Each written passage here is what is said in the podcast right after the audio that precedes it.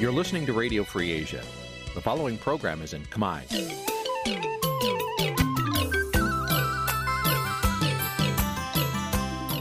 Nǐ chi càm bi tiệp xáy vệt chiu a zì sê ray នេះជាកម្មវិធីផ្សាយរបស់ Vithu Azisari ជាភាសាខ្មែរ វត្តឈូអាស៊ីសេរីសូមស្វាគមន៍លោកអ្នកនាងទាំងអស់ពីរដ្ឋធានី Washington នៃសហរដ្ឋអាមេរិក បាទខ្ញុំបាទយ៉ងច័ន្ទដារាសូមជម្រាបសួរលោកអ្នកនាងអ្នកស្ដាប់វិទ្យុអាស៊ីសេរីទាំងអស់ជាទីមេត្រីខ្ញុំបាទសូមជូនកម្មវិធីផ្សាយសម្រាប់ព្រឹកថ្ងៃអាទិត្យ13រោចខែកដិកឆ្នាំថោះបัญចស័កពុទ្ធសករាជ2567ត្រូវនឹងថ្ងៃទី10ខែធ្នូគ្រិស្តសករាជ2023បាទជាដំបូងនេះសូមអញ្ជើញអស់លោកអ្នកនាងស្ដាប់ព័ត៌មានប្រចាំថ្ងៃដែលមានមេត្តាដូចតទៅ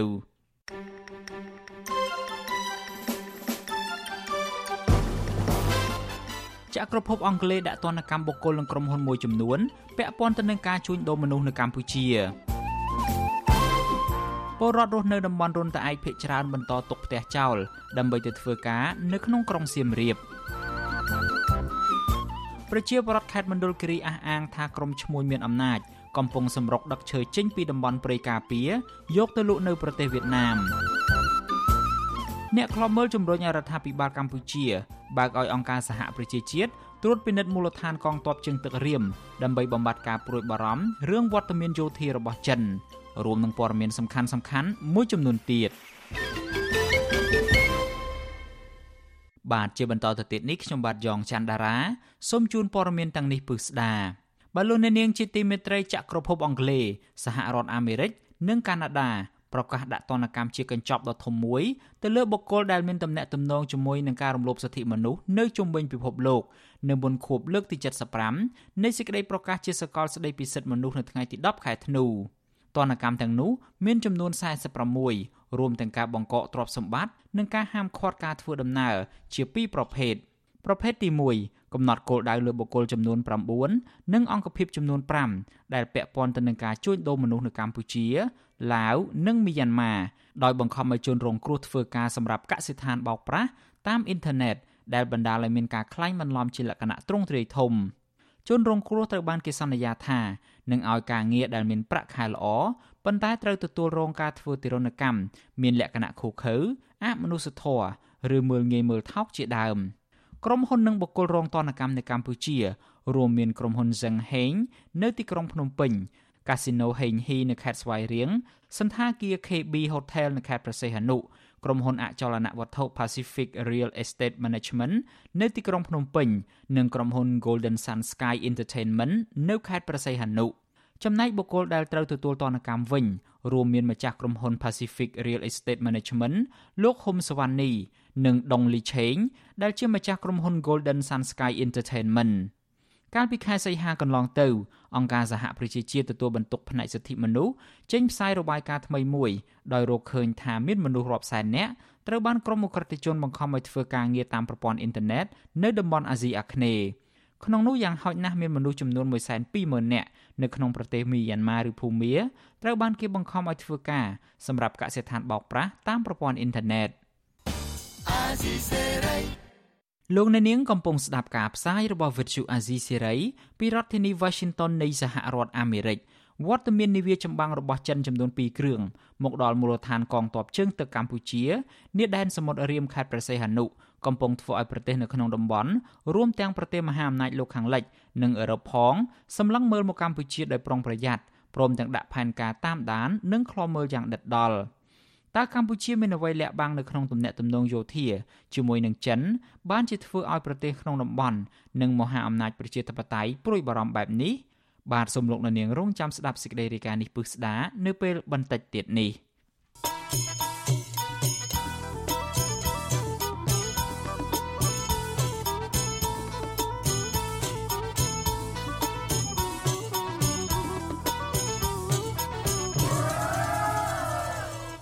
បាទលោកនាងជាទីមេត្រីកញ្ញាខណ្ឌលក្ខណាបានរាយការណ៍មកថាក្រុមអ្នកតាមដានបញ្ហានយោបាយជំរុញឲ្យលោកនាយរដ្ឋមន្ត្រីហ៊ុនម៉ាណែតឲ្យរៀនសូត្រពីមេដឹកនាំប្រទេសវៀតណាមដែលមានការសម្របសម្រួលខ្ពស់នៅក្នុងទំនាក់ទំនងជាមួយចិន និងសហរដ្ឋអាមេរិកបាទការជំរុញបែបនេះធ្វើឡើងនៅមុនពេលដែលមេដឹកនាំចិន និងលោកហ៊ុនម៉ាណែតគ្រោងទៅធ្វើទស្សនកិច្ចនៅប្រទេសវៀតណាមនៅសប្តាហ៍ក្រោយនេះបាទកញ្ញាខណ្ឌលក្ខណារាយការណ៍ព័ត៌មាននេះជូនដល់លោកអ្នកនាង អ្នកខ្លមើជំរុញឲ្យរដ្ឋាភិបាលកម្ពុជាដឹកនាំដោយលោកហ៊ុនម៉ាណែតគួររៀនសូត្រពីមេដឹកនាំវៀតណាមដែលមានការសម្របសម្រួលខ្ពស់ក្នុងទំនាក់ទំនងជាមួយចិននិងជាមួយសហរដ្ឋអាមេរិកដើម្បីផលប្រយោជន៍ប្រទេសកម្ពុជាការជំរុញនេះស្របពេលលោកនាយករដ្ឋមន្ត្រីហ៊ុនម៉ាណែតក្រុងនឹងទៅបំពេញទស្សនកិច្ចនៅប្រទេសវៀតណាមចាប់ពីថ្ងៃទី11ដល់ថ្ងៃទី12ខែធ្នូនេះ ដើម្បីពង្រឹងទំនាក់ទំនងនិងចុះហត្ថលេខាលើឯកសារកិច្ចព្រមព្រៀងមួយចំនួនខណៈដែលមេដឹកនាំកម្ពុជាផុតលេខរបស់ប្រទេសចិនគឺលោកប្រធានាធិបតីស៊ីជីនពីងក៏នឹងទៅទស្សនកិច្ចនៅប្រទេសវៀតណាមនៅសប្តាហ៍ក្រោយនេះដែរសារព័ត៌មាន Reuters ចុះផ្សាយកាលពីថ្ងៃទី7ខែធ្នូបានឲ្យដឹងថាប្រធានាធិបតីលោកស៊ីជីនពីង នឹងទៅបំពេញទស្សនកិច្ចនៅប្រទេសវៀតណាមចាប់ពីថ្ងៃទី12ដល់ថ្ងៃទី13ខែធ្នូដើម្បីជួបជាមួយមេដឹកនាំរដ្ឋកម្ពុជាកម្ពុជារបស់វៀតណាមនិងពិភាក្សាអំពីការធ្វើឲ្យប្រសើរឡើងនៅទំនាក់ទំនងរវាងប្រទេសទាំងពីរអ្នកនាំពាក្យនៃក្រសួងការបរទេសចិន លោកវ៉ាងវិនបៀនបាននិយាយនៅក្នុងសន្និសីទកសែតខ្លីមួយថា ក្រុមមេដឹកនាំនៃប្រទេសទាំងពីរនឹងផ្ដោតលើរឿងសន្តិសុខនយោបាយបញ្ហាពហុភាគីនិងដែនសមុទ្រនិងការជំរុញកិច្ចសហប្រតិបត្តិការបន្ថែមទៀតប្រទេសចិន គឺជាដៃគូពាណិជ្ជកម្មដ៏ធំបំផុតរបស់វៀតណាមនិងជាប្រភពដ៏សំខាន់នៃការនាំចូលសម្រាប់វិស័យផលិតកម្មរបស់វៀតណាមកាលពីខែតុលាប្រធានាធិបតីចិនលោកស៊ីជីនពីងបានប្រាប់ទៅកាន់ប្រធានាធិបតីវៀតណាមលោកវ៉ូវ៉ាន់ធឿង ក្នុងជំនួបទ្វេភាគីក្នុងប្រទេសចិន ថាប្រទេសទាំងពីរមិនត្រូវភ្លេចគោលបំណងដើម នៃមិត្តភាពប្រពៃណីរបស់ពួកគេឡើយជុំវិញរឿងនេះអ្នកជំនាញផ្នែកវិទ្យាសាស្ត្រនយោបាយលោកអែមសវណ្ណរាយល់ថាមេដឹកនាំចិនលោកស៊ីជីនពីងនិងលោកនាយករដ្ឋមន្ត្រីហ៊ុនម៉ាណែតទៅបំពេញទស្សនកិច្ចនៅប្រទេសវៀតណាមសប្តាហ៍ក្រោយនេះក្នុងគោលដៅដើម្បីទំនាក់ទំនងទ្វេភាគីដូចគ្នាប៉ុន្តែលោកយល់ថាដំណើរទស្សនកិច្ចទាំងពីរនេះគឺមិនពាក់ព័ន្ធគ្នាឡើយ ទំនាក់ទំនងអន្តរជាតិនេះគឺពង្រឹងនយោបាយការបរទេសទ្វេភាគីរវាងវៀតណាមកម្ពុជារវាងវៀតណាមចិនក៏ប៉ុន្តែលក្ខណៈខុសគ្នាត្រង់ថារបៀបវរៈនយោបាយដែលចុះកិច្ចព្រមព្រៀងនោះអនុសារណៈ MOU ឬក៏កិច្ចព្រមព្រៀងនានាហ្នឹងវាមានលក្ខខណ្ឌអីដែលប្រទេសកម្ពុជានិងវៀតណាមចុះហើយមានលក្ខខណ្ឌអ្វីខ្លះដែលវៀតណាមហើយចិនហ្នឹងលើកឡើងឬក៏ចរចាគ្នានេះជាកិច្ចការដែលយើងអាចថាវាខុសគ្នា រីឯអ្នកតាមដានភូមិសាស្ត្រតំបន់អាស៊ីអាគ្នេយ៍និងប៉ាស៊ីហ្វិកលោកសេងវ៉ាន់លីយល់ថាដំណើរទស្សនកិច្ចរបស់មេដឹកនាំចិនលោកស៊ីជីនពីងបង្ហាញពីសារៈសំខាន់នៃទំនាក់ទំនងទ្វេភាគីរវាងចិនវៀតណាមដើម្បីជំរុញកិច្ចសហប្រតិបត្តិការផ្នែកសេដ្ឋកិច្ចរវាងចិននិងវៀតណាមឲ្យកាន់តែស្អិតល្មួតជាងមុនទោះបីជាប្រទេសទាំងពីរមានភាពរកាំរកូសបញ្ហាអសន្តិសុខក៏ដោយ លោកថាមេដឹកនាំវៀតណាមមានការសម្របសម្រួលខ្ពស់រវាងទំនាក់ទំនងជាមួយចិននិងជាមួយសហរដ្ឋអាមេរិកបើទោះបីជាវៀតណាមកំពុងមានចំនួនដែនសមុទ្រចិនខាងត្បូងជាមួយចិនក្តីប៉ុន្តែវៀតណាមនៅតែគ្រប់គ្រងឬរក្សាទំនាក់ទំនងសេដ្ឋកិច្ចជាមួយប្រទេសចិនបានហើយថែមទាំងទាញបានផលប្រយោជន៍សេដ្ឋកិច្ចពីសហរដ្ឋអាមេរិកនិងកិច្ចសហប្រតិបត្តិការវិស័យយោធាជាមួយសហរដ្ឋអាមេរិកផង។ ចឹងវៀតណាមគាត់មានអានុភាពឬ leverage ជាងរដ្ឋាភិបាលកម្ពុជាដែលដឹកនាំដោយលោកនាយករដ្ឋមន្ត្រីហ៊ុនម៉ាណែតហើយចំណុចទាំងនេះខ្ញុំគិតថាកម្ពុជាគួររៀនសូត្រពីប្រទេសជិតខាងជាពិសេសវៀតណាមថៃក៏ដូចជាប្រទេសក្នុងតំបន់ដូចជាឥណ្ឌូនេស៊ីម៉ាឡេជាដើមដោយសារតែប្រទេសទាំងអស់នោះគេមានភាពសម្របសម្រួលវិសុវអសីស្រីមិនអាចសុំការអធិប្បាយករណីនេះពីអ្នកនាំពាក្យនាយករដ្ឋមន្ត្រីលោកមាសសុភ័ណ្ឌ និងប្រធានអង្គភិបអ្នកនាំពាក្យរដ្ឋាភិបាលលោកប៉ែនបូណាបានទេ នៅថ្ងៃទី9ធ្នូដោយទូរស័ព្ទចូលគ្មានអ្នកទទួលលោកសេងវ៉ាន់លីជំរុញឲ្យរដ្ឋាភិបាលកម្ពុជាបើកលំហសេរីភាពនយោបាយគោរពសិទ្ធិមនុស្សអភិបាលកិច្ចល្អ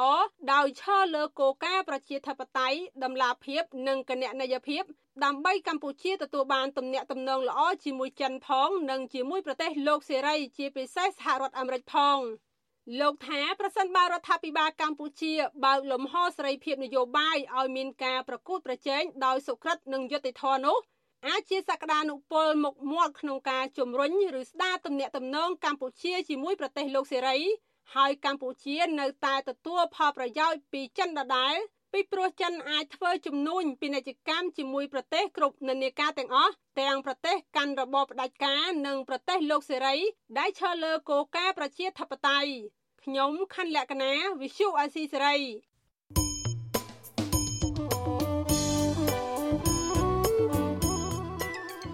លោកអ្នកនាងជាទីមេត្រីដំណើរគ្នានឹងស្ដាប់ការផ្សាយរបស់ Vuthu Azizi Serai តាមបណ្ដាញសង្គម Facebook YouTube និង Telegram លោកអ្នកនាងក៏អាចស្ដាប់កម្មវិធីផ្សាយរបស់យើង តាមរយៈវិទ្យុរលកថេដាកាខ្លី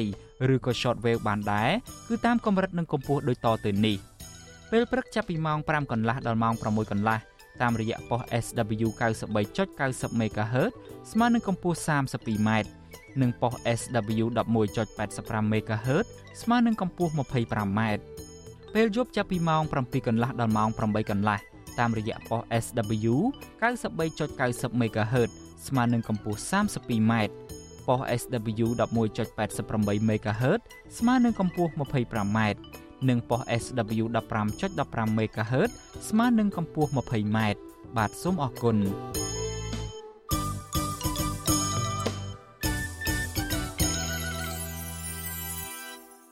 បាទលោកអ្នកនាងជាទីមេត្រីតកតងទៅនឹងមហាសន្និបាតវិសាមញ្ញរបស់គណៈបកប្រជាជនកម្ពុជាវិញគណៈបកនេះបានសម្រេចបញ្ចូលសមាជិកថ្មីចំនួន496នាក់បន្ថែមទៀតចូលទៅក្នុងគណៈកម្មាធិការកណ្ដាលគណៈបកតាមរយៈការបោះឆ្នោតកាលពីល្ងាចថ្ងៃទី9ខែធ្នូម្សិលមិញនេះបាទការបន្ថែមសមាជិកថ្មីនេះបានធ្វើឲ្យគណៈកម្មាធិការកណ្ដាលគណៈបកប្រជាជនកម្ពុជា ដែលជាគណៈបកកណ្ដាលអំណាចមានសមាជិកកើនឡើងសរុបរហូតដល់ទៅជាង1000នាក់ បាទសូមលោកអ្នកនាងស្ដាប់សេចក្តីរាយការណ៍នេះពឹស្ដារបស់លោកច័ន្ទរោដូចតទៅមហាសន្និបាតវិសាមញ្ញតំណាងទូតទាំងប្រទេសរបស់គណៈបកប្រជាជនកម្ពុជា កំណត់ទិសដៅការងារនិងដើម្បីជ្រើសរើសអនុប្រធានថ្នាក់ដឹកនាំរបស់គណៈបកកណ្ដាលអំណាចបន្ថែមទៀត ពិធីនេះធ្វើឡើងនៅទីស្នាក់ការកណ្ដាលរបស់គណៈបកប្រជាជនកម្ពុជានៅក្រុងភ្នំពេញរយៈពេល2ថ្ងៃចាប់ពីថ្ងៃទី9និងថ្ងៃទី10ខែធ្នូដោយមានវត្តមានលោកហ៊ុនសែនជាប្រធានគណៈបកលោកហេងសំរិនជាប្រធានកិត្តិយសគណៈបកនិងចូលរួមពីសមាជិកអចិន្ត្រៃយ៍សមាជិកគណៈកម្មាធិការកណ្ដាលតំណាងគណៈបកទូទាំងប្រទេសរួមទាំងមន្ត្រីជាន់ខ្ពស់គណៈបកប្រជាជនកម្ពុជាជាង3000នាក់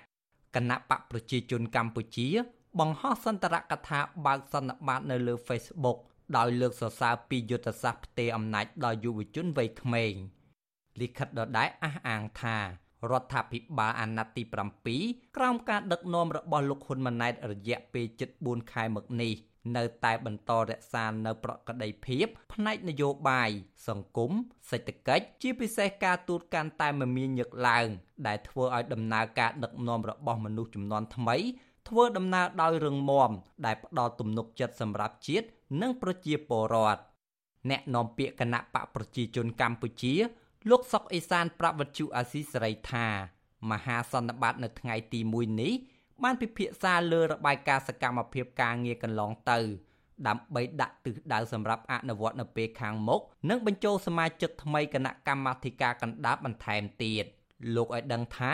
កម្មវិធីមហាសន្និបាតនៅថ្ងៃទី2នឹងរៀបចំបញ្ចូលសមាជិកគណៈកម្មាធិការអចិន្ត្រៃយ៍និងបោះឆ្នោតជ្រើសតាំងអនុប្រធានគណៈបកមួយចំនួន ហើយប្រធានគណៈបកគឺលោកហ៊ុនសែននឹងថ្លែងបូកសរុបលទ្ធផលនិងសភាពការនានាសូមបញ្ជាក់ថា របាយការណ៍មហាសន្និបាតនេះមិនមែនមិនបានអាននៅក្នុងអង្គមហាសន្និបាតទេពីព្រោះរបាយការណ៍នេះដែលមាន16ទំព័រនេះចែកជូនសមាជិកសមាជិកអង្គមហាសន្និបាតរួចហើយដើម្បីអានរៀងខ្លួនហើយពិចារណាយកមតិដើម្បីពិភាក្សានៅព្រឹកនេះជុំវិញរឿងនេះមន្ត្រីគណៈបកប្រឆាំងនិងអ្នកតាមដានស្ថានភាពនយោបាយលើកឡើងថាមហាសន្និបាតរបស់គណៈបកប្រជាជនកម្ពុជា ជាការពង្រឹងឥទ្ធិពលគ្រួសាររបស់លោកហ៊ុនសែនដើម្បីលើកបន្តកូនប្រុសឆ្ពោះទៅរកការដឹកនាំបែបកុម្មុយនីជាជាងកែលម្អក្បាលម៉ាស៊ីនក្នុងបកសម្រាប់ផលប្រយោជន៍ជាតិអតីតតំណាងរាជគណៈបកសង្គ្រោះជាតិលោកអ៊ុំសំអានថ្លែងថាមហាសន្និបាតរបស់គណៈបកកណ្ដាលអំណាចនឹងមិនធ្វើឲ្យប្រជាធិបតេយ្យបានប្រសើរនិងផ្ដល់ប្រយោជន៍អ្វីដល់សង្គមនោះទេលោកបន្ថែមថា គោលដៅរបស់លោកហ៊ុនសែនគឺរិះរឹកគ្រប់មធ្យោបាយអាក្រក់ដូចជាប្រើប្រាស់ប្រព័ន្ធតឡាការការបំបិទសិទ្ធិពលរដ្ឋរៀបចំការបោះឆ្នោតคล้ายៗដើម្បីកម្ចាត់គណៈបកប្រឆាំង និងអ្នកដែលមាននិន្នាការផ្ទុយពីរដ្ឋាភិបាលចេញពីឆាកនយោបាយដោយធ្វើយ៉ាងណារក្សាអំណាចតពូជស្របពេលលោកហ៊ុនម៉ាណែតមិនទាន់បង្ហាញស្នាដៃឲ្យពលរដ្ឋ និងសហគមន៍អន្តរជាតិជឿជាក់នៅឡើយទេយុទ្ធសាស្ត្ររបស់គេដូច្នេះមានន័យថាគេនឹងរិះរកយុទ្ធសាស្ត្រយ៉ាងម៉េចដើម្បីឲ្យអាចកាន់អំណាចបន្តទៀតតាមរយៈការរៀបចំការបោះឆ្នោតคล้ายៗបន្តទៀតឲ្យលោកហ៊ុនម៉ាណែតនឹងអាចឈរនៅក្នុងតំណែងជានាយករដ្ឋមន្ត្រីបន្តទៀតណាហើយនឹងកម្ចាត់ដៃគូប្រគល់ប្រជានយោបាយនឹងពីឆាននយោបាយនៅពេលដែលដៃគូនយោបាយឬគណៈបកណាមួយដែលជាគូប្រគល់ប្រជារបស់គណៈបកប្រជាជន ចំណែកអ្នកអត្ថាធិប្បាយនយោបាយលោកកឹមសុខមើលឃើញថាមហាសន្និបាតរបស់គណៈបកប្រជាជនពុំមែនរៀបចំឡើងគ្រាន់តែអានរបាយការណ៍ដាក់ផែនការអនុវត្តបន្តនោះទេប៉ុន្តែខ្លឹមសារសំខាន់នោះសំដៅលើលោកហ៊ុនសែនកំពុងជំរុញឲ្យបកពួក ជាពិសេសកូនប្រុសគឺលោកហ៊ុនម៉ាណែតបានក្លាយទៅជាអនុប្រធានមុនឈានជើងទៅក្តោបក្តាប់អំណាចកម្ពុជានៅក្នុងបកទាំងមូលដោយទៅនឹងការផ្ទេរអំណាចនាយករដ្ឋមន្ត្រីកាលពីពេលថ្មីថ្មីនេះដែរទន្ទឹមនឹងនេះលោកថាទិសដៅបន្ទាប់របស់លោកហ៊ុនសែនទំនឹងត្រៀមផ្ទេរអំណាចប្រធានគណៈបកប្រជាជនឲ្យទៅលោកហ៊ុនម៉ាណែតនៅពេលខាងមុខប្រសិនបើគ្មានឧបសគ្គទេនោះមិនគិតអំពី ផលប៉ះពាល់ឬក៏គ្រោះថ្នាក់ដល់ប្រទេសជាតិនិងប្រជាពលរដ្ឋទេអ្វីដែលគាត់គិតបច្ចុប្បន្នគឺក្នុងរង្វង់តែលបែងការពីអំណាចក្រុមគ្រួសាររបស់គាត់ប៉ុណ្ណោះដោយដែលគាត់លើកតំណែងនាយករដ្ឋមន្ត្រីឲ្យកូនប្រុសរបស់គាត់ដោយមិនខ្វល់អំពីការបោះឆ្នោតដោយសេរីត្រឹមត្រូវនិងយុត្តិធម៌ទេគាត់ប្លន់តាំងពីផ្ទៃក្នុងបក រហូតទៅដល់ផ្ទៃក្នុងជាតិហើយអាម៉ាស់មុខលើឆាកអន្តរជាតិទាំងមូលក៏គាត់មិនខ្វល់ដែរមកដល់ពេលនេះទៀតគាត់កំពុងតែរៀបចំល្បិចទេអំណាចនៃការគ្រប់គ្រងគណៈបកប្រជាជនកម្ពុជាទាំងមូលឲ្យហ៊ុនម៉ាណែតនិងកូនកូនគាត់ផ្សេងទៀតគណៈបកប្រជាជនកម្ពុជា បានដឹកនាំប្រទេសអស់រយៈពេលជិត40ឆ្នាំមកហើយគណៈបកនេះតែងតែមានមហិច្ឆតាដឹកនាំប្រទេសរយៈពេលវែងឆ្ងាយទៅមុខទៀតប៉ុន្តែ អ្នកខ្លំមើលលើកឡើងថាការដឹកនាំតាមរយៈខ្សែស្រឡាយនិងយកបកជាធំបែបនេះនឹងធ្វើឲ្យរដ្ឋាភិបាលកាន់តែផ្ដាច់ការទោះបីជាអតីតនាយករដ្ឋមន្ត្រីលោកហ៊ុនសែននិងបកពួកបានផ្ទេរអំណាចឲ្យទៅកូនកូនពួកគេដោយបំណងក្តីប៉ុន្តែនយោបាយគណៈបកកណ្ដាលអំណាចនៅតែរដ្ឋបិទសិទ្ធិសេរីភាពបញ្ចេញមតិសិទ្ធិជួបជុំសិទ្ធិសារព័ត៌មាន និងសិទ្ធិចូលរួមសកម្មភាពនយោបាយកន្លងមក បានធ្វើឲ្យប្រទេសប្រជាធិបតេយ្យធំធំ ដូចជាសហរដ្ឋអាមេរិកនិងសហភាពអឺរ៉ុបដាក់ទណ្ឌកម្មជាបន្តបន្ទាប់ដែលជះឥទ្ធិពលដល់សេដ្ឋកិច្ចនិងជីវភាពរបស់ពលរដ្ឋខ្ញុំបាទច័ន្ទរោវុទ្ធុអាស៊ីសេរីលោកអ្នកនាងកំពុងស្ដាប់ការផ្សាយរបស់វិទ្យុអាស៊ីសេរីពីរដ្ឋធានី Washington នៃសហរដ្ឋអាមេរិកក្រមយុវជនក្រុងធ្វើធម្មយាត្រាបន្តចេញពីផ្សារព្រែកភ្នៅឆ្ពោះទៅទីលានប្រជាធិបតេយ្យ ដើម្បីចូលរួមប្រារព្ធទិវាសិទ្ធិមនុស្ស10ធ្នូលើកទី75ក្រោមប្រធានបទធានាសេចក្តីថ្លៃថ្នូរសេរីភាព និងយុត្តិធម៌សម្រាប់ប្រជាពលរដ្ឋគ្រប់រូបដែលមានមនុស្សគ្រងចូលរួមប្រមាណ3000នាក់ក្រមយុវជននិងមន្ត្រីសង្គមស៊ីវិលជំរុញឲ្យរដ្ឋាភិបាលបើកលំហសិទ្ធិសេរីភាព និងស្ដារលទ្ធិប្រជាធិបតេយ្យដើម្បីឲ្យមានយុត្តិធម៌សង្គមឡើងវិញបាទលោកយុនសាមៀនរាយការណ៍ព័ត៌មាននេះដូចតទៅ ក្រមយុវជននិងមន្ត្រីអង្គការសង្គមស៊ីវិលត្រៀមខ្លួនដើម្បីប្រពៃកម្មវិធីទិវាសិទ្ធិមនុស្សអន្តរជាតិ10ធ្នូដើម្បីលើកយកបញ្ហាការរំលោភសិទ្ធិមនុស្សការរឹតបន្តឹងសិទ្ធិសេរីភាពបញ្ចេញមតិរបស់ពលរដ្ឋនិងការធ្វើទុកបុកម្នេញលើសកម្មជនសង្គមនិងនយោបាយដែលជាបញ្ហាប្រឈមកំពុងកើតមាននៅកម្ពុជា ទៅកាន់រដ្ឋាភិបាលដើម្បីរកដំណោះស្រាយ ប្រធានសមាគមសម្ព័ន្ធនិស្សិតបញ្ញវន្តខ្មែរលោកកើតសរាយប្រាប់វិទ្យុអេស៊ីសេរីនៅថ្ងៃទី9ខែធ្នូថាការប្រារព្ធកម្មវិធី10ធ្នូមានការដង្ហែក្បួនធម្មយាត្រា ចំនួន2ក្រុម គឺក្រុមទី1ជាក្រុមធ្វើដំណើរចេញពីខេត្តសៀមរាប និងបន្តធ្វើធម្មយាត្រាចេញពីផ្សារព្រែកភ្នៅ ទៅកាន់ទីលានប្រជាធិបតេយ្យនិងក្រុមទី2ធ្វើដំណើរចេញពីរដ្ឋសភា ឆ្ពោះទៅទីលានប្រជាធិបតេយ្យដូចគ្នា ដែលមានមនុស្សចូលរួមប្រមាណ50នាក់លោកបន្តថាការធ្វើធម្មយាត្រានេះគឺចង់បង្ហាញឲ្យសាធារណជននិងប្រជាពលរដ្ឋនិងរដ្ឋាភិបាលឃើញថាកម្ពុជានៅមិនទាន់មានយុត្តិធម៌និងការគោរពសិទ្ធិមនុស្សពេញលេញនៅឡើយទេឲ្យតែយើងឈលលើគោលការណ៍បម្រើផលប្រយោជន៍ជាតិមាតុភូមិខ្ញុំនៅតែឲ្យសន្តិធិនិយមថារដ្ឋាភិបាលកម្ពុជាគួរតែ គគិតគូរឡើងវិញហើយយើងបញ្ឈប់ការរដ្ឋបិទសិទ្ធិមនុស្សហើយយើងស្ដារលទ្ធិវិជាតបតៃហើយយើងកសាងសង្គមមួយដែលមានប្រព័ន្ធយុត្តិធម៌ត្រឹមត្រូវបាទក្រៅពីធ្វើដំណើរធម្មយាត្រាក្រុមអង្គការសង្គមស៊ីវិលចំនួន30ស្ថាប័នរួមមានអង្គការសមត្ថៈកម្ពុជា សមាគមការពារសិទ្ធិមនុស្សអាត6និងមជ្ឈមណ្ឌលសម្ព័ន្ធភាពការងារព្រមទាំងអង្គការសហជីពមួយចំនួនទៀត នឹងចេញសេចក្តីថ្លែងការណ៍រួមមួយបង្ហាញពីទុកកង្វល់របស់ពលរដ្ឋរងគ្រោះដីធ្លីការរំលោភសិទ្ធិការងារនិងសិទ្ធិមនុស្សជាដើមដើម្បីស្នើដល់រដ្ឋាភិបាលឲ្យដោះស្រាយបញ្ហាទាំងនោះជាបន្ទាន់នៅក្នុងនោះក៏មានការចូលរួមពីអ្នកការពារសិទ្ធិមនុស្សក្រមអ្នកតស៊ូមតិនិងតំណាងអង្គទូតប្រទេសប្រជាធិបតេយ្យឡើងសម្ដែងមតិពីទុកកង្វល់របស់ខ្លួនផងដែរ ជាមួយគ្នានេះដែរប្រជាពលរដ្ឋស្រឡាញ់ប្រជាធិបតេយ្យប្រមាណ100នាក់នៅប្រទេសជប៉ុនក៏នឹងចូលរួមដង្ហែក្បួនទិវាសិទ្ធិមនុស្សអន្តរជាតិ10ធ្នូនៅទីក្រុងតូក្យូដែលរៀបចំឡើងដោយរដ្ឋាភិបាលជប៉ុន និងមានពលរដ្ឋចំនួន10ប្រទេសចូលរួមផងដែរអនុប្រធានចលនាសង្គ្រោះជាតិប្រចាំប្រទេសជប៉ុន លោកស្រីមាសភារាថ្លែងថា លោកស្រីនឹងចូលរួមកម្មវិធីទិវា10ធ្នូ ដើម្បីបង្ហាញពីការបោះឆ្នោតคล้ายคล้ายការរឹតបន្តឹងសិទ្ធិសេរីភាពនយោបាយនិងការចាប់ខ្លួនសកម្មជននយោបាយដាក់ពន្ធនាគារដែលធ្វើឲ្យប្រជាធិបតេយ្យនៅកម្ពុជាដើរថយក្រោយ។ ចឹងបើគាត់នៅតែយកពលរដ្ឋខ្មែរជាសត្រូវប្រទេសនេះនឹងកាន់តែលិចលង់អត់មានអ្វីល្អប្រសើរទេគ្រប់វិស័យតែម្ដងបើគាត់ចង់ឲ្យប្រទេសរីកចម្រើនដូចដែលគាត់អួតថាសន្តិភាពគឺគាត់ត្រូវតែតម្រង់ផ្លូវមកខាងគោលការណ៍ប្រជាធិបតេយ្យវិញហើយសន្តិភាពគឺមិនមែននៅលើតែអត់សង្គ្រាមមួយមុខទេចាសូមឲ្យពលរដ្ឋមានសន្តិភាពផ្លូវចិត្តផងកុំឲ្យរស់នៅក្នុងភាពអភិភ័យដោយសពថ្ងៃហ្នឹងអត់ខិតមតិចេញមតិទាល់តែសោះវិទ្យុអាស៊ីសេរីមិនអាចតាក់ទងណែនាំពាក្យគណៈកម្មាធិការសិទ្ធិមនុស្សរបស់រដ្ឋាភិបាលលោកស្រៀងចន្ទាដើម្បីសុំការបកស្រាយជុំវិញបញ្ហានេះបានទេនៅថ្ងៃទី9ខែធ្នូជុំវិញបញ្ហានេះដែរនាយកទទួលបន្ទុកកិច្ចការទូតនៃអង្គការសិទ្ធិមនុស្សលីកាដូលោកអំសំអាត មានប្រសាសន៍ថាការធ្វើធម្មយាត្រានេះគឺជាការរំលឹកទៅដល់ប្រជាពលរដ្ឋខ្មែរ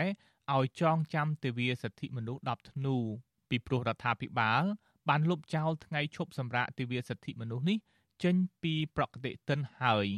លោកបន្តថាសង្គមដែលមានការគោរពសិទ្ធិមនុស្សទើបមានយុត្តិធម៌សង្គមនិងសន្តិភាពពិតប្រាកដ ទូនាទីរបស់រដ្ឋគឺទី1គឺធានាបណ្ដេថាធានាការអនុវត្តសិទ្ធិការគោរពសិទ្ធិរបស់ពលរដ្ឋទី2បណ្ដេថាការពារអញ្ចឹងបើមានការបំពានរដ្ឋត្រូវការពារហើយទី3គឺបំពេញបន្ថែមអញ្ចឹងបើមានការខ្វះចន្លោះឬក៏មិនទាន់ពលរដ្ឋមិនទាន់មានការអនុវត្តពេញលេញត្រូវមានការផ្សព្វផ្សាយឬក៏តាក់តែងច្បាប់ដែលគោរពនឹងការពារទៅលើសិទ្ធិក្នុងការអនុវត្តរបស់ពលរដ្ឋ ក្រមយុវជននិងអង្គការសង្គមស៊ីវិលចង់ឃើញរដ្ឋាភិបាលកម្ពុជាចេះរួបរวมសាមគ្គីគ្នាកុំឲ្យមានការប្រកាន់បកពួកនិងលុបបំបាត់អំពើនីតិរដ្ឋភាពដើម្បីឈ្មោះទៅរកយុត្តិធម៌សង្គមលើកកម្ពស់សិទ្ធិមនុស្សនិងធានាដល់ការរស់នៅប្រកបដោយសេចក្តីថ្លៃថ្នូរសម្រាប់ពលរដ្ឋគ្រប់រូបខ្ញុំយុនសាមៀនវិទ្យុអាស៊ីសេរីប្រធានាធិបតី Washington អាស៊ីសេរី លោកអ្នកនាងជាទីមេត្រីវិទ្យុអាស៊ីសេរីនឹងចេញផ្សាយ podcast កម្ពុជាសប្តាហ៍នេះនៅរៀងរាល់ព្រឹកថ្ងៃសៅរ៍ម៉ោងនៅកម្ពុជានៃសប្តាហ៍នីមួយៗបាទកម្មវិធី podcast នេះរៀបចំដោយនាយកនិងនាយករងនៃកម្មវិធីផ្សាយ Vuthu Azizi Serai ជាភាសាខ្មែរគឺលោកសំពូលីនិងលោកជុនច័ន្ទបតសូមប្រិយមិត្តស្វែងរក និងស្ដាប់ podcast របស់យើង នៅលើកម្មវិធី podcast របស់ Apple, Google និង Spotify ដោយគ្រាន់តែសរសេរពាក្យថាកម្ពុជាសប្តាហ៍នេះឬ Cambodia This Week នៅក្នុងប្រអប់ស្វែងរកយើងក៏នឹងចាក់ផ្សាយកម្មវិធី podcast នេះឡើងវិញនៅក្នុងកម្មវិធីផ្សាយផ្ទាល់របស់យើង តាមបណ្ដាញសង្គម Facebook YouTube និង Telegram នៅរៀងរាល់យប់ថ្ងៃច័ន្ទម៉ោងនៅកម្ពុជា បាទសូមអរគុណ thank you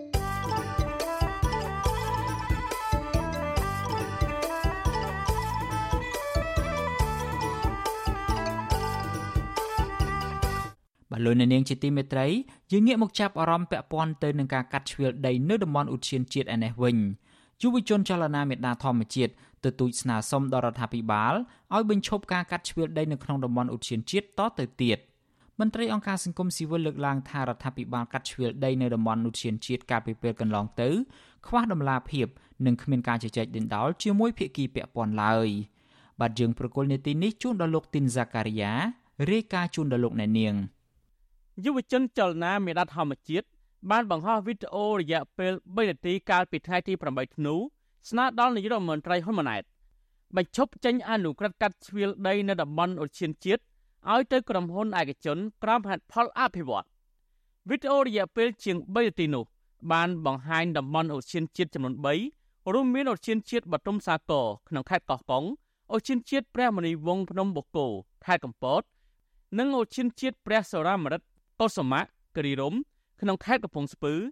ដែលត្រូវបានរដ្ឋាភិបាលកាត់ជ្រៀលឲ្យទៅអ្នកមានលុយមានអំណាចស្និទ្ធទៅនឹងរដ្ឋាភិបាលរួមមានអ្នកស្រីជឹងសុគន្ធធារីអង្គញាកិតមេងនិងក្រុមហ៊ុនឯកជនមួយចំនួនទៀតដែលមានកេរ្តិ៍ឈ្មោះមិនល្អអ្នកស្រីជឹងសុគន្ធធារីជាកូនស្រីបង្កើតរបស់អ្នកស្រីជឹងសុភាពហៅយាយភូដែលជាបុគ្គលល្បីឈ្មោះខាងលុបបឹងធម្មជាតិនិងរំលោភយកដីធ្លីបរដ្ឋជាដៃគូចំនួនជាមួយគ្រូសាត្រកុលហ៊ុន និងជាអគ្គនាយកក្រុមហ៊ុនវ៉ាន់ម៉ទទួលបានដីឧទ្យានជាតិគិរីរំជាង400ហិកតា បន្ទាប់ពីអតីតនាយករដ្ឋមន្ត្រីលហ៊ុនសែនបានកាត់ដីឧទ្យានជាតិគិរីរំជាង200ហិកតាបន្ថែមទៀតឲ្យក្រុមហ៊ុននេះកាលពីខែសីហាកន្លងទៅវីដេអូដែលបានបង្ហាញថាឧទ្យានជាតិបទុមសាគរត្រូវបានកាត់ជ្រឿលសរុបជិត150,000ហិកតាចេញពីផ្ទៃដីជាង180,000ហិកតាឧទ្យានជាតិព្រះមនីវងភ្នំបូកគោ ត្រូវបានកាត់ជ្រឿលសរុបចំនួន42,000ហិកតា ចេញពីផ្ទៃដីទំហំជាង150,000ហិកតា និងឧទ្យានជាតិព្រះសរាមរិទ្ធកុសមគិរីរំត្រូវបានកាត់ជ្រឿលសរុបជាង400ហិកតា ចេញពីផ្ទៃដីជាង35,000ហិកតាជុំវិញនឹងរឿងនេះសកម្មជនចលនាមេដាធម្មជាតិកញ្ញាអៀមហំបានប្រាប់វិទ្យុអស៊ីសេរីថាតំបន់ឧទ្យានជាតិទាំងនោះជាសម្បត្តិដ៏មានតម្លៃសម្រាប់មនុស្សជាតិ ដែលមានទាំងព្រៃឈើនិងសត្វព្រៃជិតផុតពូជកញ្ញាសោកស្ដាយចំពោះផ្ទៃដីនៅក្នុងតំបន់ឧទ្យានជាតិដែលត្រូវបានរដ្ឋាភិបាលកាត់ជ្រៀលឲ្យទៅបុគ្គលនិងក្រុមហ៊ុនឯកជន ដោយមិនបានសួរយោបល់ពីបរដ្ឋសម្រាប់ខ្ញុំផ្ទាល់គឺខ្ញុំសូមស្នើទៅកាន់រដ្ឋាភិបាលមុននឹងពេលកាត់ឧស្សាហជាតិឬក៏តំបន់ណាមួយរបស់រដ្ឋនឹងទៅឲ្យឯកជនសូមមេត្តាផ្សព្វផ្សាយឲ្យទូលំទូលាយក៏ដូចជាទទួលយកមតិ របស់ប្រជាពលរដ្ឋហើយក៏ដូចជាដោះស្រាយយ៉ាងម៉ត់ចត់ទៅលើ ការស្នើសុំរបស់ប្រជាពលរដ្ឋទទួលបានការពិនិត្យនិងដោះស្រាយកញ្ញាអៀមហំបារម្ភថាការកាត់ជ្រៀលនោះមិនបានសិក្សាពីផលប៉ះពាល់បរដ្ឋនិងបរិស្ថាន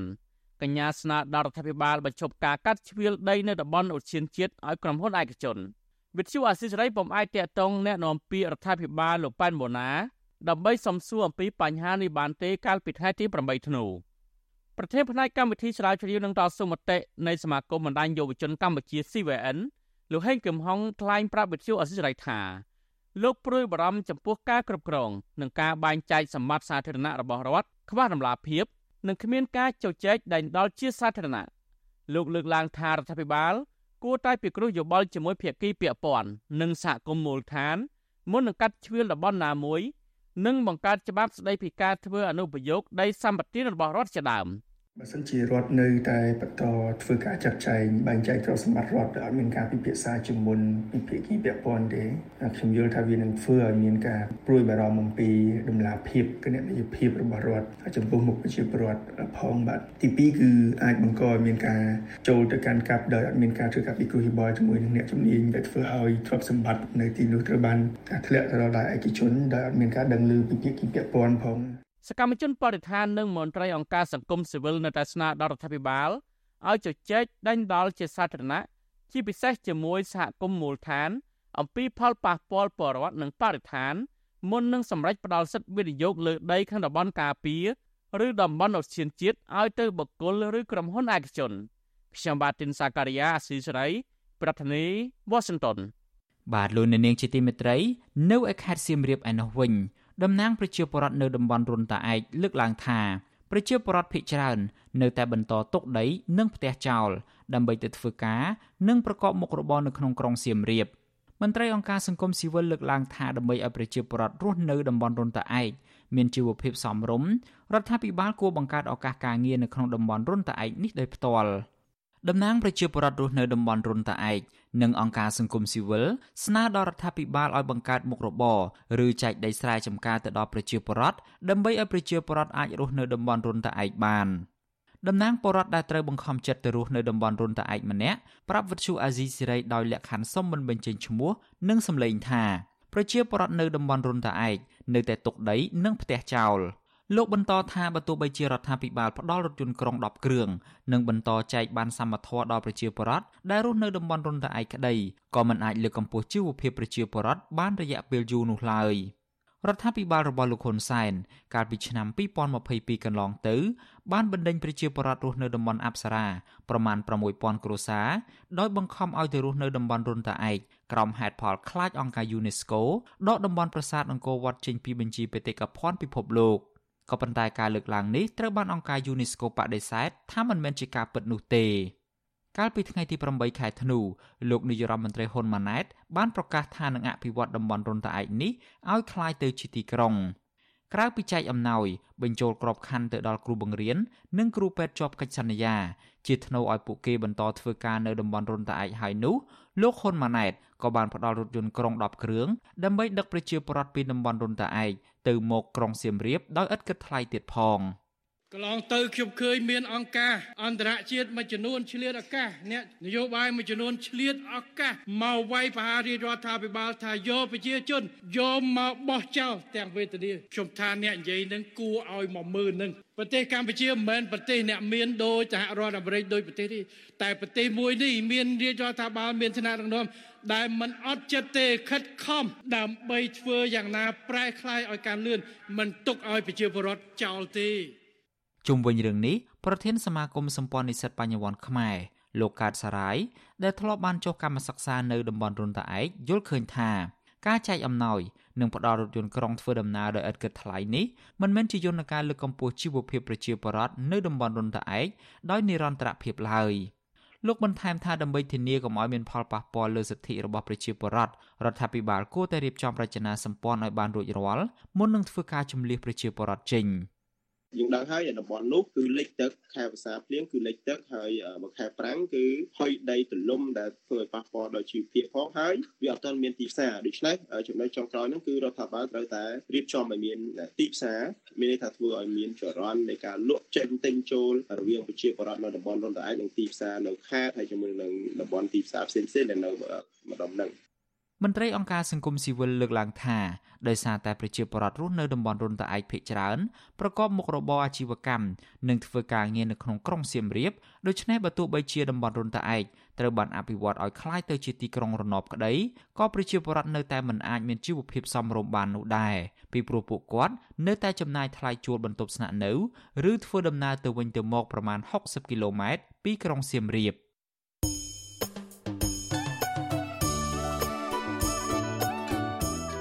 លោកអ្នកនាងជាទីមេត្រីក្រៅពីការតាមដានកម្មវិធីផ្សាយរបស់ Vuthu Azizi Serai នៅតាមបណ្ដាញសង្គម Facebook YouTube និង Telegram លោកអ្នកនាងក៏អាចតាមដានកម្មវិធីផ្សាយរបស់យើងនៅតាមរយៈបណ្ដាញ Instagram បានដែរតាមរយៈតំណ link ដែលមានអាសយដ្ឋាន www.instagram.com/rfa ខ្មែរ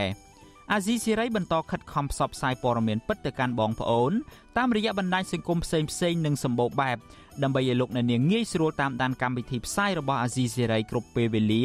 និងគ្រប់ទីកន្លែង តាមរយៈទូរស័ព្ទរបស់លោកអ្នកនាង បាទសូមអរគុណ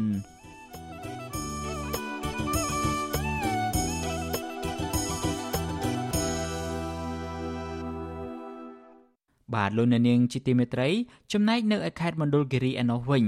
ប្រជាពលរដ្ឋនៅក្នុងខេត្តនេះអះអាងថាក្រុមឈ្មួញដែលរកស៊ីឈើ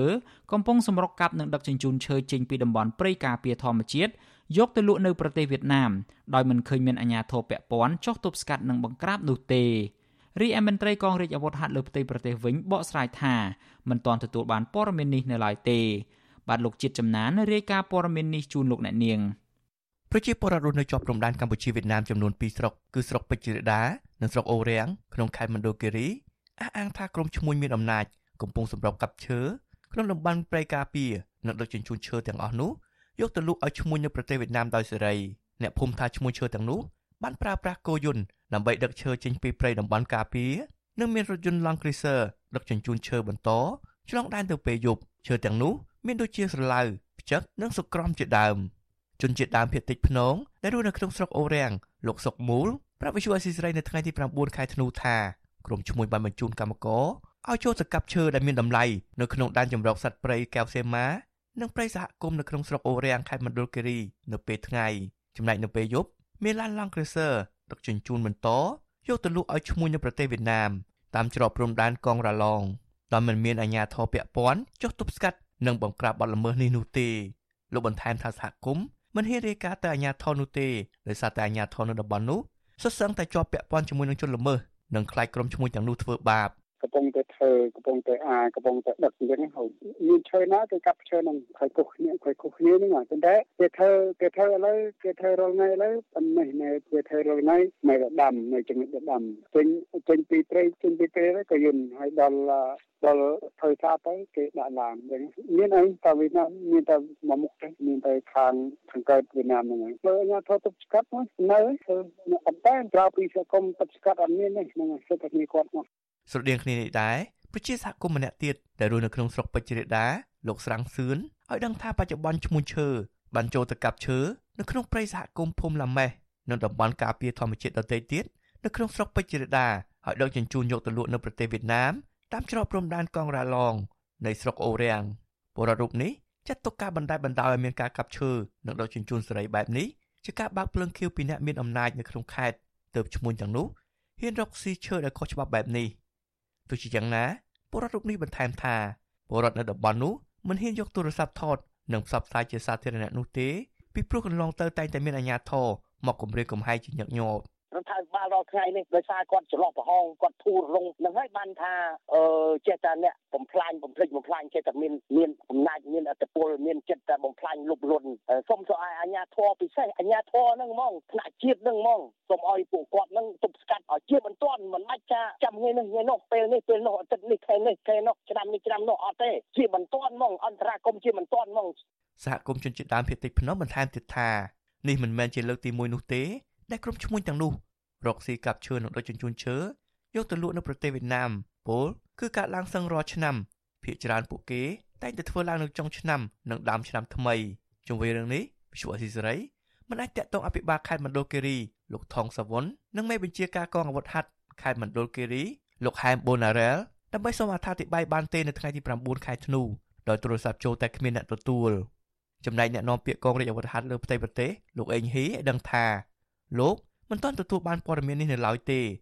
ហើយលោកបានស្នើសុំទៅសហគមន៍ផ្ដល់ព័ត៌មានទាំងអស់នេះទៅកងរាជអាវុធហត្ថលើផ្ទៃប្រទេសដើម្បីធ្វើការវិភាគនិងចុះបង្ក្រាបខ្ញុំអត់ទាន់បានព័ត៌មានហ្នឹងទេសូមឲ្យផ្ដល់ព័ត៌មានតាម Telegram បាទទី1គឺសូមឲ្យគាត់ផ្ដល់ព័ត៌មានមកខ្ញុំឲ្យច្បាស់លាស់ហើយយើងនឹងវិភាគព័ត៌មានហ្នឹងយើងនឹងស្រាវជ្រាវព័ត៌មានហ្នឹងហើយយើងនឹងបង្ក្រាបឲ្យតែមានបទល្មើសហើយអាចគាត់ផ្ដល់ព័ត៌មានច្បាស់ការឲ្យហើយខ្ញុំនឹងណែនាំមួយគាត់តើតើនឹងបញ្ហានេះ មន្ត្រីសម្របសម្រួលសមាគមអាត60ប្រចាំខេត្តមណ្ឌលគិរីលោកប៊ីវ៉ានីយល់ឃើញថាបញ្ហាទាំងនេះកើតឡើងទៅបានដោយសារតែមន្ត្រីពាក់ព័ន្ធមិនបានបំពេញកាតព្វកិច្ចនិងអនុវត្តច្បាប់ឲ្យបានត្រឹមត្រូវទៅបណ្ដាលបណ្ដោយឲ្យជនល្មើសរកស៊ីកាប់ឈើនិងដឹកជញ្ជូនឈើយកទៅលក់នៅប្រទេសវៀតណាមបានលោកបន្ថែមថាអាញាធរពាក់ព័ន្ធគួរតែបង្ហាញលេខសម្រាប់តាក់ទងជាសាធារណៈនិងប្រាប់ពីមធ្យោបាយជាក់លាក់ដល់ប្រជាពលរដ្ឋទូទៅឲ្យបានដឹងដើម្បីងាយស្រួលឲ្យពួកគេរាយការណ៍នៅពេលដែលបានជួបបទល្មើសព្រៃឈើ និងបទល្មើសផ្សេងផ្សេងទៀតការពីឬក៏សវត្ថភាពដល់អ្នកផ្ដល់ព័ត៌មានដែរដើម្បីឲ្យគាត់ហ៊ានឬក៏គាត់ហ៊ានផ្ដល់ព័ត៌មានត្រូវតែយើងធានានៅសវត្ថភាពរបស់ពួកគាត់ព្រោះរឿងខ្លះវាធ្វើឲ្យមានប៉ះពាល់ដល់មន្ត្រីឬក៏អ្នកមានលុយមានអីចឹងវាធ្វើឲ្យពួកគាត់នឹងមានមានហានិភ័យចំពោះសវត្ថភាពរបស់ពួកគាត់អញ្ចឹងហើយយើងយើងចង់ឲ្យខាងកងរាជរដ្ឋលើផ្ទៃទេផ្សព្វផ្សាយអំពីមធ្យោបាយផ្ដល់ព័ត៌មានទៅកងរាជរដ្ឋផ្ទៃទេតាមតាមមធ្យោបាយណាដែលដែលយើងអាចផ្ដល់បានកន្លងទៅ អតីតនាយករដ្ឋមន្ត្រីលោកហ៊ុនសែនបានប្រកាសសន្យាក្តែងក្តែងចំពោះមុខសាធារណជន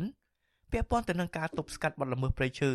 និងការការពារព្រៃឈើឲ្យបានគង់វង្សលើពីនោះទៀតលោកហ៊ុនសែនថែមទាំងអះអាងដាក់ជីវិតនិងកាត់កចោលប្រសិនបើការពារព្រៃឈើមិនបានទេនោះនឹងមានពេលខ្លះទៀតលោកហ៊ុនសែនបានបញ្ជាឲ្យបាញ់រកែតកំទេចក្បួនដឹកឈើរបស់ឈ្មួញទៀតផងប៉ុន្តែរយៈពេលជិត20ឆ្នាំមកនេះក្រុមសកម្មជននិងអង្គការសង្គមស៊ីវិលតែងតែរកឃើញថាការកាប់ព្រៃឈើធ្វើអាជីវកម្ម យ៉ាងអនាធបត័យក្នុងនោះក៏មានជាប់ពាក់ព័ន្ធក្រុមអង្គញាមន្ត្រីជាន់ខ្ពស់ក្នុងជួររដ្ឋាភិបាលនិងសាច់ញាតិរបស់គ្រួសារតកោហ៊ុនផងដែរ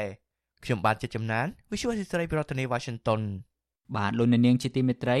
នៅឯខេត្តបាត់ដំបងឯណោះវិញប្រជាពលរដ្ឋជាង300គ្រួសាររស់នៅតំបន់បឹង3និងបឹង5ស្ថិតនៅក្នុងឃុំបឹង5ស្រុកបាវិលខេត្តបាត់ដំបង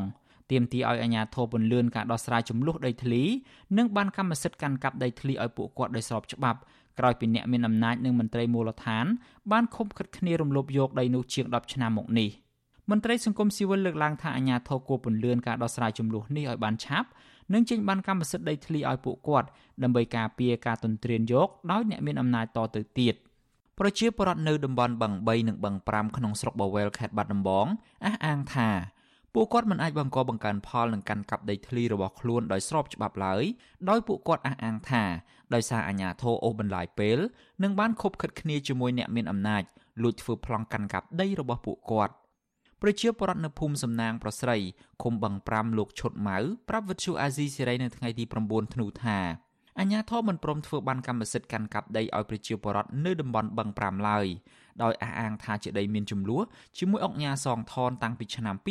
2011លោកបារម្ភថាការបន្តពន្យាពេលមិនដោះស្រាយបែបនេះអាចធ្វើឲ្យពួកគាត់បាត់បង់ដីធ្លីទាំងស្រុងដោយសារតែក្រុមអ្នកមានអំណាចដែលខົບខិតជាមួយមន្ត្រីមូលដ្ឋានលួចធ្វើប្លង់កាន់កាប់យកធ្វើជាកម្មសិទ្ធិដោយនៅតំបន់បឹង3ដែរ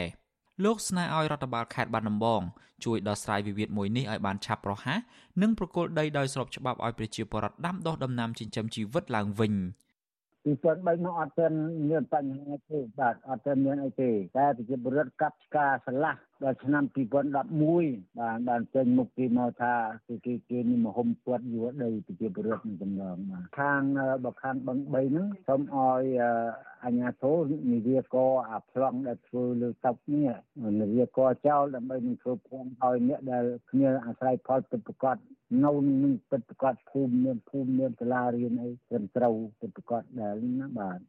ទំនាស់ដីធ្លីរបស់ប្រជាពលរដ្ឋនៅឃុំបឹង5បានអូសបន្លាយពេលអស់រយៈពេលជាង10ឆ្នាំមកហើយនិងបានធ្វើឲ្យប្រជាពលរដ្ឋចំនួន10នាក់ជាប់បណ្ដឹងនៅតុលាការពីបទប៉ះពាល់កម្មសិទ្ធិឯកជន តាមមាត្រា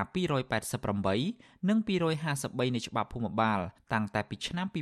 2015នៅក្នុងនោះស្ត្រីម្នាក់គឺលោកស្រីនួននឿនត្រូវបានអាជ្ញាធរគម្រាមកំហែងរហូតភៀសខ្លួនទៅនៅប្រទេសថៃកាលពីខែកក្កដាឆ្នាំ2023 វិទ្យុអាស៊ីសេរីមិនទាន់អាចតាក់ទងមេឃុំបឹង5លោកឈៀនីនិងអភិបាលខេត្តបាត់ដំបងលោកសុកលូដើម្បីសុំការបកស្រាយជំវិញបញ្ហានេះបានទេ នៅថ្ងៃទី9ខែធ្នូកាលពីថ្ងៃទី8ធ្នូតំណាងសហគមន៍ដីធ្លីក្នុងតំបន់បឹង5នៅក្នុងស្រុកបាវែលចំនួនជាង40នាក់បានប្រារព្ធទិវាសិទ្ធិមនុស្សអន្តរជាតិលើកទី75 អ្នកចូលរួមបានលើកបដាជាច្រើនផ្ទាំងសម្ដែងក្តីកង្វល់ចំពោះបញ្ហាដីធ្លីរបស់ពួកគាត់និងស្នើសុំទៅអាជ្ញាធរឲ្យដោះស្រាយទំនាស់ដីធ្លីដ៏រ៉ាំរ៉ៃជាច្រើនឆ្នាំមកនេះនិងផ្ដល់បានកម្មសិទ្ធិដល់សមាជិកពួកគាត់ចំនួន192គ្រួសារឲ្យបានឆាប់រហ័សពួកគាត់បានលើកឡើងថាអញ្ញាធមមូលដ្ឋានប្រងើយកន្តើយមិនយកចិត្តទុកដាក់ដោះស្រាយកង្វល់អំពីការប្រើប្រាស់ដីគ្មានបានកម្មសិទ្ធិរបស់ពួកគាត់ឡើយ តកតងទៅនឹងរឿងនេះដែរអ្នកសម្របសម្រួលនៃអង្គការលីកាដូប្រចាំនៅខេត្តបាត់ដំបងលោកអិនគងចិត្តយល់ឃើញថាអញ្ញាធរគួរតែពន្លឿនការដោះស្រាយវិវាទដីធ្លីរបស់សហគមន៍ដីធ្លីនៅឃុំបឹង5ឲ្យបានឆាប់រហ័សពីព្រោះប្រជាពលរដ្ឋបានដាក់លិខិតស្នើសុំកិច្ចអន្តរាគមន៍ទៅអភិបាលខេត្តនិងមានការអន្តរាគមន៍ពីក្រសួងរៀបចំដែនដីនគររូបនីយកម្មនិងសំណង់ដោយតម្រូវឲ្យអាជ្ញាធរថ្នាក់ខេត្តចុះទៅពិនិត្យនិងស្រាវជ្រាវជាបន្ទាន់ លោកបារម្ភថាការដែលអាជ្ញាធរនៅតែពន្យាពេលចុះបញ្ជីកម្មសិទ្ធិដីធ្លីឲ្យពលរដ្ឋបែបនេះអាចនឹងបណ្ដាលឲ្យពួកគាត់ប្រឈមនឹងការបាត់បង់ដីបង្កបង្កើនផលដោយសារអ្នកមានលុយនិងមានអំណាចទន្ទ្រានយកការដែលពន្លឿនការដែលយកចិត្តទុកដាក់ក្នុងការចុះបញ្ជីដីធ្លីផ្ដល់បានកម្មសិទ្ធិរបស់ពួកគាត់នៅពេលនេះគឺបាននឹងអាចជួយរួមចំណែកក្នុងការការពារសិទ្ធិដីធ្លីសិទ្ធិកម្មសិទ្ធិរបស់ពួកគាត់ប្រកបដោយសុវត្ថិភាព វិវាទដីធ្លីរបស់សហគមន៍ដីធ្លីនៅឃុំបឹង5បានចាប់ផ្ដើមនៅឆ្នាំ2011ដែលមានការជាប់ពាក់ព័ន្ធជាមួយនឹងមេឃុំបឹង5ឈ្មោះឈៀនីនិងមន្ត្រីផ្សេងទៀតខົບខិតជាមួយអ្នកមានអំណាចដែលបរដ្ឋស្គាល់ឈ្មោះថាសងថនបានហុំព័ទ្ធយកដីប្រជាពលរដ្ឋដែលខំកាប់ឆ្ការព្រៃធ្វើកសិកម្មតាំងតែពីឆ្នាំ1999ដីដែលមានទំនាស់នេះមានទំហំជាង1000ហិកតាស្ថិតនៅចំណុចបឹងបាត់ប្រមាត់ បឹងដេកា បឹងដង្កោ បឹងចៅស្លាប់ បឹងដំរីស្លាប់ នៅភូមិសំណាងប្រស្រី ក្នុងឃុំបឹង5ដែលចែកជាពីរតំបន់គឺតំបន់បឹង3និងតំបន់បឹង5ដែលមានពលរដ្ឋប៉ះពាល់សរុបជាង300គ្រួសារប្រជាពលរដ្ឋនិងមន្ត្រីអង្គការសង្គមស៊ីវិលយល់ថារដ្ឋាភិបាលអាណត្តិថ្មីនិងរដ្ឋបាលខេត្តបាត់ដំបងដែលស្ថិតនៅក្រោមការគ្រប់គ្រងរបស់លោកសុកលូគួរតែពន្លឿនការដោះស្រាយវិវាទដីធ្លីរ៉ាំរ៉ៃនេះឲ្យបានឆាប់រហ័ស និងធ្វើប្លង់កម្មសិទ្ធិឲ្យប្រជាពលរដ្ឋកាន់កាប់ដោយស្ងប់ចិត្តកុំឲ្យមានការព្រួយបារម្ភថានឹងត្រូវអ្នកមានអំណាចរំលោភយកដីតាមអំពើចិត្តតទៅទៀតនោះ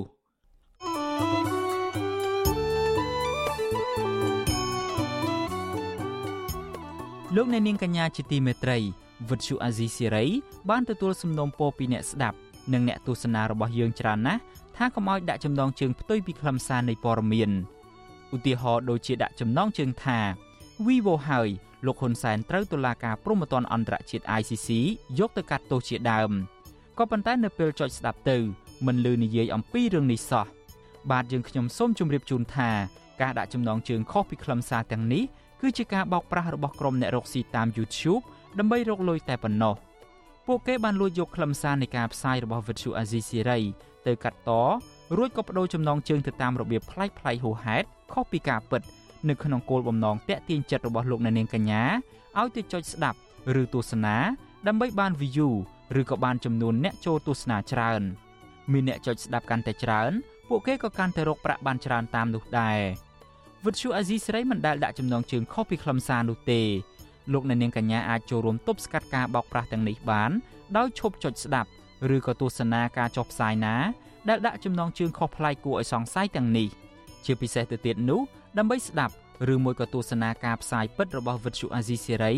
សូមលោកអ្នកនាងចូលទៅក្នុង Channel របស់អាស៊ីសេរីតែម្ដង ដែលមានអាសយដ្ឋាន www.youtube.com/@rfa ខ្មែរបាទសូមអរគុណ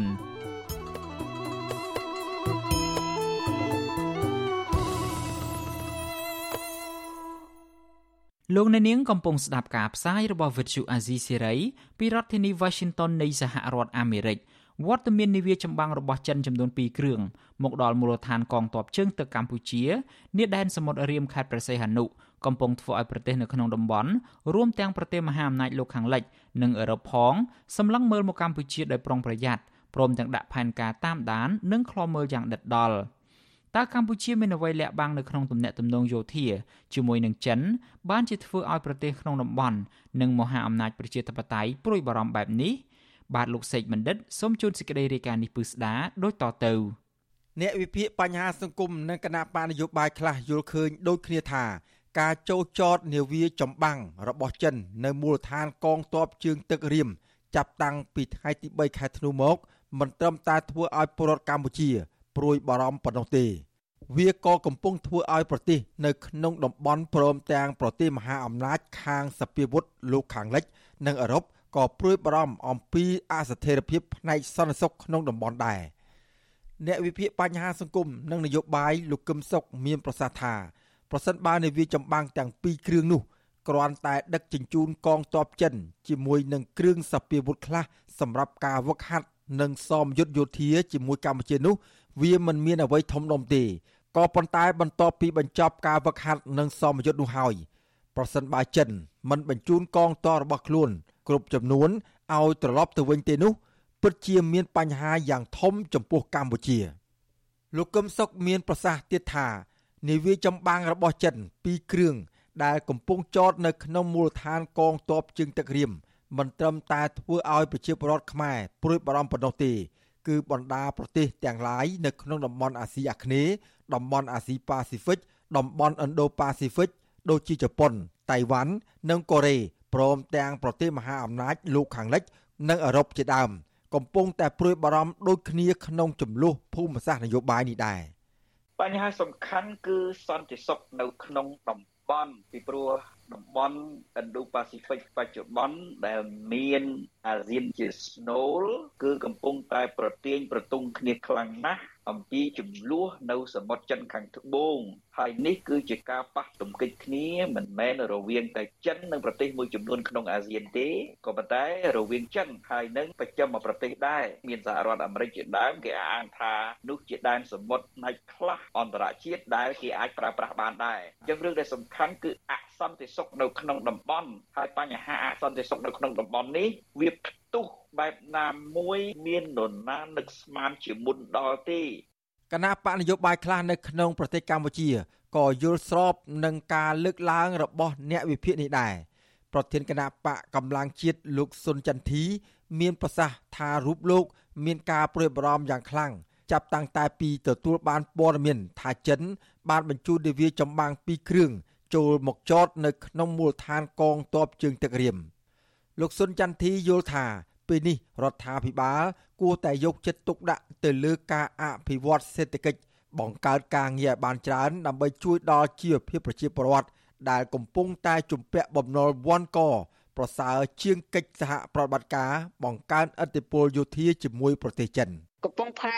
រៀមប្រទេសកម្ពុជានេះគឺកំពុងតែទទួលការមន្ទិលសង្ស័យ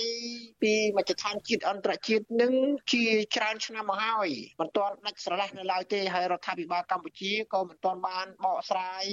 ឆ្លើយបំភ្លឺឲ្យមានការជឿជាក់ទាំងមជ្ឈដ្ឋានជាតិអន្តរជាតិដែរដូច្នេះនៅពេលនេះយើងឃើញកងទ័ពចិនយកនាវាធំធំពីររបស់ខ្លួនមកទៀតអញ្ចឹងធ្វើឲ្យមជ្ឈដ្ឋានជាតិអន្តរជាតិកាន់តែមានមន្ទិលសង្ស័យមែនទែនហើយ ការព្រួយបារម្ភរបស់អ្នកនយោបាយនិងអ្នកវិភាគសង្គមនេះកើតមានបន្ទាប់ពីកម្ពុជា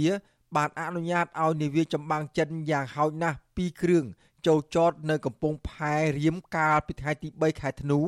ដោយអះអាងថាសម្រាប់ត្រៀមវឹកវើកងទ័ពជើងទឹកកម្ពុជា និងពង្រឹងកិច្ចសហប្រតិបត្តិការវិស័យការពារជាតិនៃប្រទេសទាំងពីរការចូលចតនាវាចម្បាំងរបស់ចិននេះ នៅចំពេលដែលមន្ត្រីជាន់ខ្ពស់ការពារជាតិ និងជាអនុប្រធានគណៈកម្មាធិការយោធាមជ្ឈិមបកចិន លោកហ៊ឺវៃតុង បានមកបំពេញទស្សនកិច្ចផ្លូវការនៅកម្ពុជា អ្នកសិក្សាកិច្ចការសង្គមនិងនយោបាយលោកប៉ោមករាយល់ឃើញថាវត្តមាននាវាចម្បាំងរបស់ចិន ក្នុងពេលនេះពិតជាធ្វើឲ្យក្រសែភ្នែករបស់ប្រជាជាតិនៅក្នុងតំបន់អាស៊ាន និងសហគមន៍អន្តរជាតិមានក្តីបារម្ភពីព្រោះកម្ពុជា គឺជាទីតាំងមួយដែលស្ថិតនៅក្នុងភូមិសាស្ត្រខ្សែក្រវ៉ាត់និងផ្លូវហៅកាត់ថា BRI របស់ចិន ហើយទីតាំងនេះកំពុងធ្វើឲ្យសហគមន៍អន្តរជាតិខ្លាចចិនដណ្ដើមយកផ្ដាច់មុខពាក់ព័ន្ធនឹងផ្លូវទឹកសេដ្ឋកិច្ចនិងភូមិសាស្ត្រដែលចិនត្រូវវិទីលោកប៉ោមករាមានប្រសាសន៍ទៀតថា ដើម្បីកុំឲ្យសហគមន៍អន្តរជាតិសម្លឹងមកកម្ពុជា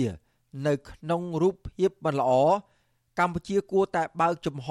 និងបង្ហាញភាពស្អាតស្អំ នៅក្នុងរឿងនាវាចម្បាំងចិន ដែលមានវត្តមាននៅក្នុងទឹកដីខ្មែរនេះ។ ការបារម្ភរបស់អង្គការ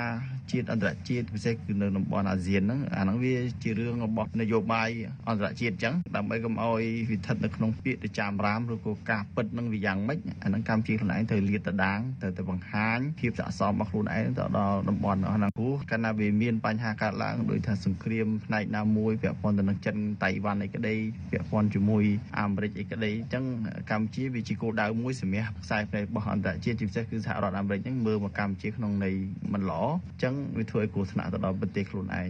ទោះជាយ៉ាងណា នៅក្នុងកិច្ចពិភាក្សារវាងរដ្ឋមន្ត្រីក្រសួងការពារជាតិកម្ពុជា និងមន្ត្រីជាន់ខ្ពស់ការពារជាតិនិងជាអនុប្រធានគណៈកម្មាធិការយោធាមជ្ឈិមបកចិន លោកហ៊ឺវៃតុងកាលពីថ្ងៃទី3ខែធ្នូលោកទាសីហាឲ្យដឹងថាវត្តមាននាវាចម្បាំងរបស់ចិនមកកម្ពុជានាពេលនេះ គឺកងទ័ពចិនគ្រាន់តែមកដើម្បីជួយវឹកវើដល់កងទ័ពជើងទឹកកម្ពុជា លោកទាសេហា សង្ឃឹមថា ការត្រៀមវឹកវើរបស់កងនាវាកម្ពុជា ដោយនាវាចម្បាំងចិននេះនឹងជួយបង្កើនសមត្ថភាពកងទ័ពនិងពង្រឹងកិច្ចសហប្រតិបត្តិការលើវិស័យការពារជាតិនៃប្រទេសទាំងពីរបន្ថែមទៀតទោះយ៉ាងណាក៏ដោយអ្នកនាំពាក្យក្រសួងការបរទេសអាមេរិកបានប្រាប់សារព័ត៌មានអង់គ្លេស Reuters កាលពីថ្ងៃទី6ខែធ្នូថាសហរដ្ឋអាមេរិកកំពុងតាមដានជុំវិញព័ត៌មាននាវាចម្បាំងចិន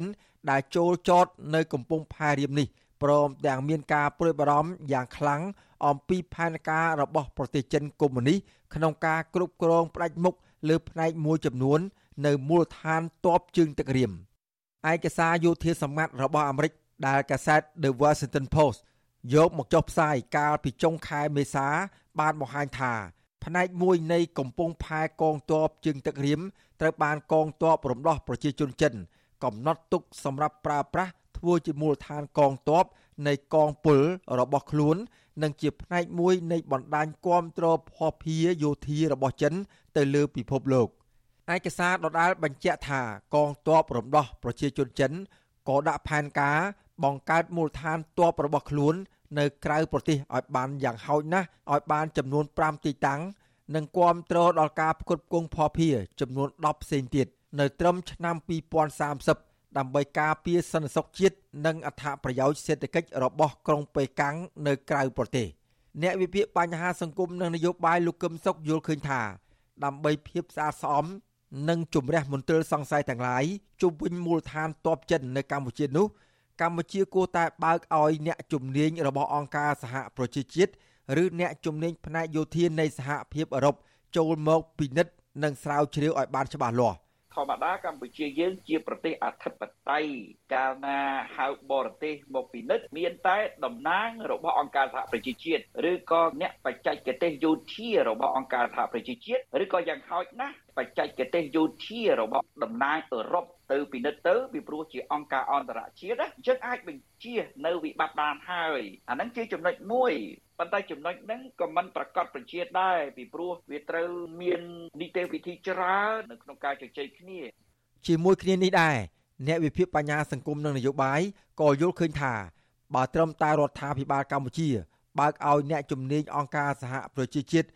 ឬក៏អ្នកជំនាញផ្នែកយោធានៃសហភាពអឺរ៉ុបចូលមកត្រួតពិនិត្យ និងស្រាវជ្រាវឲ្យបានច្បាស់លាស់ពីមូលដ្ឋានកងទ័ពជើងទឹករៀមក៏ដោយក៏មិនមានន័យថាវាគ្រប់គ្រាន់នោះទេ គឺកម្ពុជាត្រូវបើកលំហលទ្ធិប្រជាធិបតេយ្យឲ្យបានធំទូលំទូលាយឡើងវិញ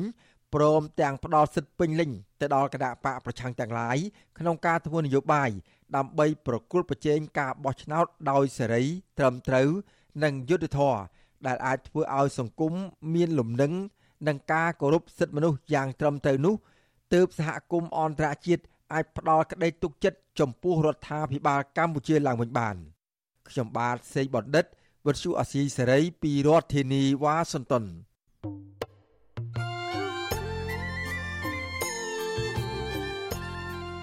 លោកអ្នកនាងជាទីមេត្រី នៅក្នុងឱកាសនេះដែរខ្ញុំបាទសូមថ្លែងអំណរគុណដល់លោកអ្នកនាងកញ្ញាទាំងអស់ដែលតែងតែមានភក្ដីភាពចំពោះការផ្សាយរបស់យើងហើយចាត់ទុកការស្ដាប់វិទ្យុអាស៊ីសេរី គឺជាផ្នែកមួយនៃសកម្មភាពប្រចាំថ្ងៃរបស់លោកអ្នកនាងគឺការគ្រប់គ្រងរបស់លោកអ្នកនាងនេះហើយដែលធ្វើឲ្យយើងខ្ញុំមានទឹកចិត្តកាន់តែខ្លាំងក្លាថែមទៀតនៅក្នុងការស្វែងរកនិងផ្តល់ព័ត៌មានជូនលោកអ្នកនាងមានអ្នកស្ដាប់អ្នកទស្សនាកាន់តែច្រើនកាន់តែធ្វើឲ្យយើងខ្ញុំមានភាពស្វាហាប់មោះមុតជាបន្តទៅទៀតយើងខ្ញុំសូមអរគុណទុកជាមុនហើយសូមអញ្ជើញលោកអ្នកនាងកញ្ញាទាំងអស់ចូលរួមជំរុញឲ្យសកម្មភាពផ្តល់ព័ត៌មានយើងនេះកាន់តែជោគជ័យបន្ថែមទៀត។ លោកអ្នកនាងអាចជួយយើងខ្ញុំបានដោយគ្រាន់តែចុចចែករំលែកឬមួយក៏ Share ការផ្សាយរបស់យើងនៅលើបណ្ដាញសង្គម Facebook និង YouTube ទៅកាន់មិត្តភ័ក្តិដើម្បីឲ្យការផ្សាយរបស់យើងបានទៅដល់មនុស្សកាន់តែច្រើន បាទសូមអរគុណ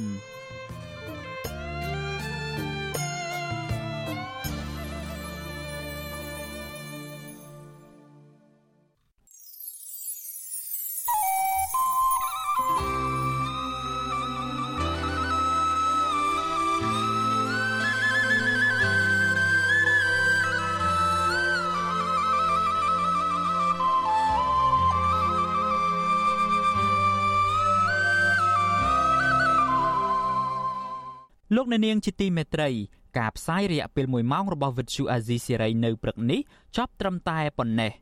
យើងខ្ញុំសូមជូនពរដល់លោកអ្នកនាងព្រមទាំងក្រុមគ្រួសារទាំងអស់ឲ្យជួបប្រកបតែនឹងសេចក្តីសុខចម្រើនរុងរឿងកុំបីឃ្លៀងឃ្លាតឡើយខ្ញុំបាទយ៉ងច័ន្ទដារាព្រមទាំងក្រុមការងារទាំងអស់នៃវិទ្យុអាស៊ីសេរីសូមអរគុណនិងសូមជម្រាបលា